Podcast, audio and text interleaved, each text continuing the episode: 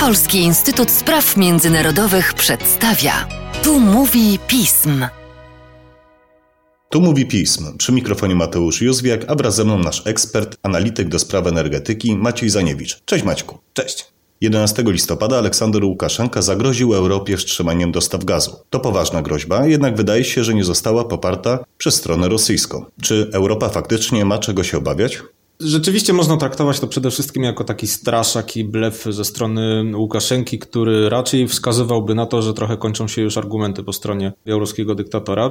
Bardzo często pojawiały się z jego strony takie niczym niepoparte groźby, dosyć szybko rzucane. I ja bym raczej zakwalifikował to w tych kategoriach, a wskazywałoby na to chociażby fakt szybkiego dementi ze strony rosyjskiej, a to jednak Rosja odgrywa tutaj kluczową rolę. Nie mówię oczywiście wyłącznie o uwarunkowaniach politycznych, które są jednak istotne. Mam na myśli to, że Rosja w tym momencie, po sfałszowaniu wyborów w ubiegłym roku i brutalnym stłumieniu protestów, i teraz po zaostrzającym się kryzysie migracyjnym, Rosja pozostaje w zasadzie jedynym sojusznikiem Białorusi, który odgrywa jakąś znaczącą rolę na arenie międzynarodowej. Natomiast w kontekście energetyki tak naprawdę dużo większe znaczenie ma to, że od 2011 roku cała infrastruktura przesyłowa gazu należy do rosyjskiego Gazpromu, a więc to w Moskwie zapada decyzja na temat tego, czy tranzyt będzie kontynuowany, czy też nie, a nie w Mińsku. Teoretycznie oczywiście istnieje możliwość fizycznego zamknięcia przesyłu gazu na zachód, ale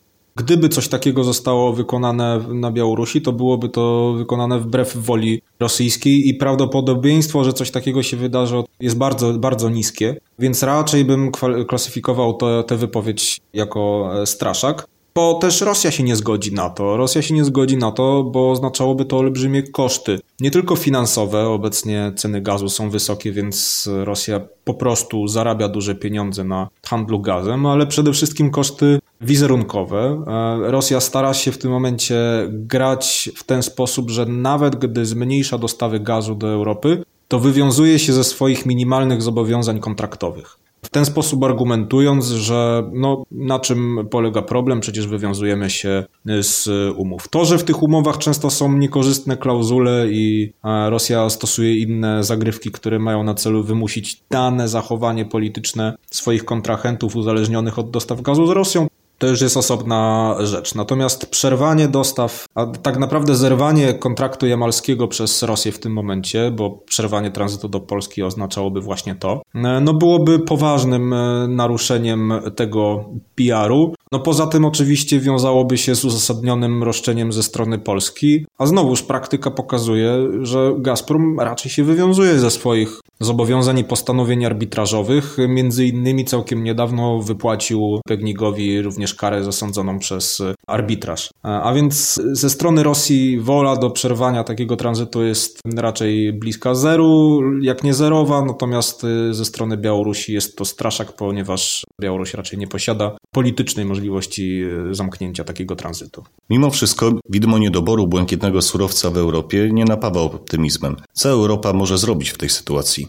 Przede wszystkim rzeczywiście kontekst tych wydarzeń jest bardzo niekorzystny z perspektywy Europy i to też stara się wykorzystać Łukaszenka, bo jego groźby padają w momencie, gdy mamy niedobory gazu w Europie, prowokowane między innymi przez stronę rosyjską. Natomiast nie jest tak, że Europa jest w jakiś krytyczny sposób zależna od szlaku dostaw przez Białoruś.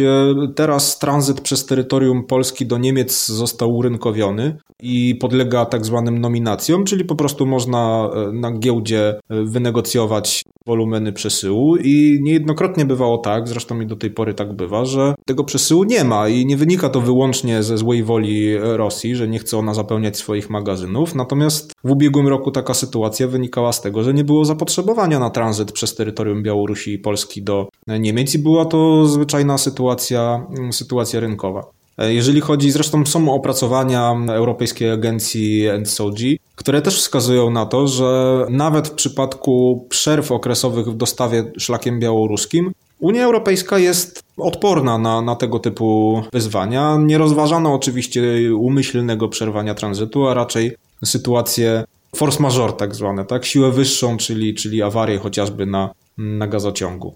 Natomiast Dochodziło do takich sytuacji rzeczywiście wcześniej, choćby sytuacja sprzed kilku lat, gdy nie doszło do awarii, natomiast gaz płynący gazociągiem jamalskim był zawodniony. Oznacza to, że stężenie wody było zbyt duże w e, gazie i nie, był, nie mógł być on technicznie odebrany po stronie polskiej. Co ciekawe, mógł być odebrany po stronie niemieckiej, bo Niemcy dysponują tak zwaną osuszalnią gazu, która mogła go uzdatnić. A więc to pokazuje też, że Rosja dysponuje instrumentami, które mogłaby przeciwko Polsce wykorzystać. Natomiast nawet ta sytuacja raczej wynikała z problemów technicznych i została bardzo szybko usunięta, więc e, też nie, nie, nie, nie oczekiwałbym, że to będzie instrument w jakiś sposób e, wykorzystany przez stronę rosyjską. Jest jeszcze jedna rzecz, którą Unia Europejska powinna robić w znacznej, w większej mierze, to znaczy dywersyfikować e, źródła dostaw i przede wszystkim uniezależniać się od źródeł rosyjskich, no bo mimo wszystko ta sytuacja, która obecnie miała miejsce, znów jest powiązana z dostawami z Rosji. Po raz kolejny widzimy, że gaz jest wykorzystywany do celów e, politycznych, bo no, groźba Łukaszenki, bądź co bądź, jest groźbą o charakterze politycznym, gdzie gaz jest wykorzystywany właśnie jako instrument gry politycznej. Można to zrobić chociażby poprzez e, zwiększone wykorzystanie czy też uwzględnienie w tak zwanej taksonomii, nie wchodząc w szczegóły. Dyskutujemy teraz o transformacji energetycznej w Unii Europejskiej i e, w tejże transformacji Mówi się o gazie jako tak zwanym paliwie przejściowym, który ma być wykorzystywany w większej mierze w procesie odchodzenia od węgla. E, w stronę OZE, ale mimo wszystko po drodze mamy zwiększyć wykorzystanie gazu. Sądzę, że w interesie europejskim jest to, aby nie tylko wykorzystanie węgla było zwiększone, ale również wykorzystanie energetyki jądrowej, która jest mniej podatna, jeżeli w ogóle na tego typu zawirowania i e, w większym stopniu gwarantuje niezależność energetyczną, na co wskazuje przykład państw, które wykorzystują w znacznej mierze energetykę jądrową, takich jak Francja, które są tak naprawdę dużo mniej podatne na tego typu szantaż gazowy. Z wielu względów, ale między innymi właśnie dlatego. Ostatnie pytanie, Macieju, raczej związane z bieżącymi wydarzeniami. Kanclerz Niemiec Angela Merkel wstrzymała certyfikację Nord Stream 2. Z pewnością nasi słuchacze są zaciekawieni tym wydarzeniem i mam do Ciebie pytanie, czy to oznacza wstrzymanie realizacji projektu? To nie oznacza wstrzymania realizacji projektu. Certyfikacja została wstrzymana przez e, tak zwaną Federalną Agencję Sieci e, niemiecką, która właśnie zajmuje się certyfikacją Nord Stream 2. Została wstrzymana z uwagi na to, że no, spółka, która ma być operatorem gazociągu Nord Stream 2 AG jest zarejestrowana w Szwajcarii, a nie w Niemczech, w związku z czym nie spełnia pewnych warunków formalnych i po prostu musi być przerejestrowana do Niemiec. Jej wszystkie, cała dokumentacja, personel musi zostać przeniesiony, aby ona fizycznie znajdowała się na terytorium Niemiec i dopiero wtedy certyfikacja ruszy na nowo. Oznacza więc to opóźnienie, natomiast nie zatrzymanie całkowite procesu certyfikacji. Natomiast jest to dobry sygnał, dlatego że wskazuje, że mimo wszystko presja ma sens i presja na to, aby y, gazociąg Nord Stream 2 nie był ponad prawem. Rosji zależało na tym, aby ten proces był zakończony jak najszybciej, po to, żeby gaz zaczął płynąć gazociągiem i w ten sposób ominął inne szlaki, przede wszystkim Ukrainę. Natomiast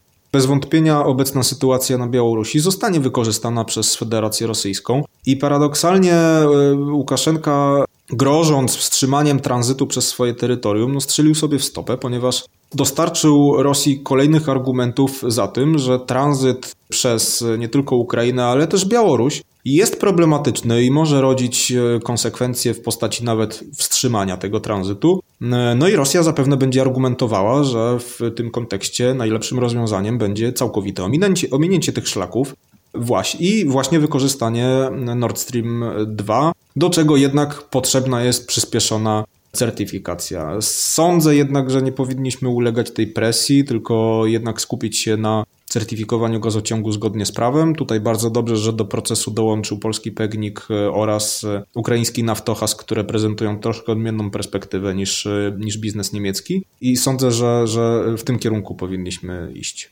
Szanowni Państwo, o przyszłości bezpieczeństwa energetycznego Europy z pewnością jeszcze będziemy mieli okazję porozmawiać. Tymczasem dziękuję Ci Macieju. Dziękuję również. A Państwa zachęcam do śledzenia naszej strony internetowej, czytania najnowszych biuletynów i komentarzy, słuchania kolejnych podcastów i cóż, do usłyszenia.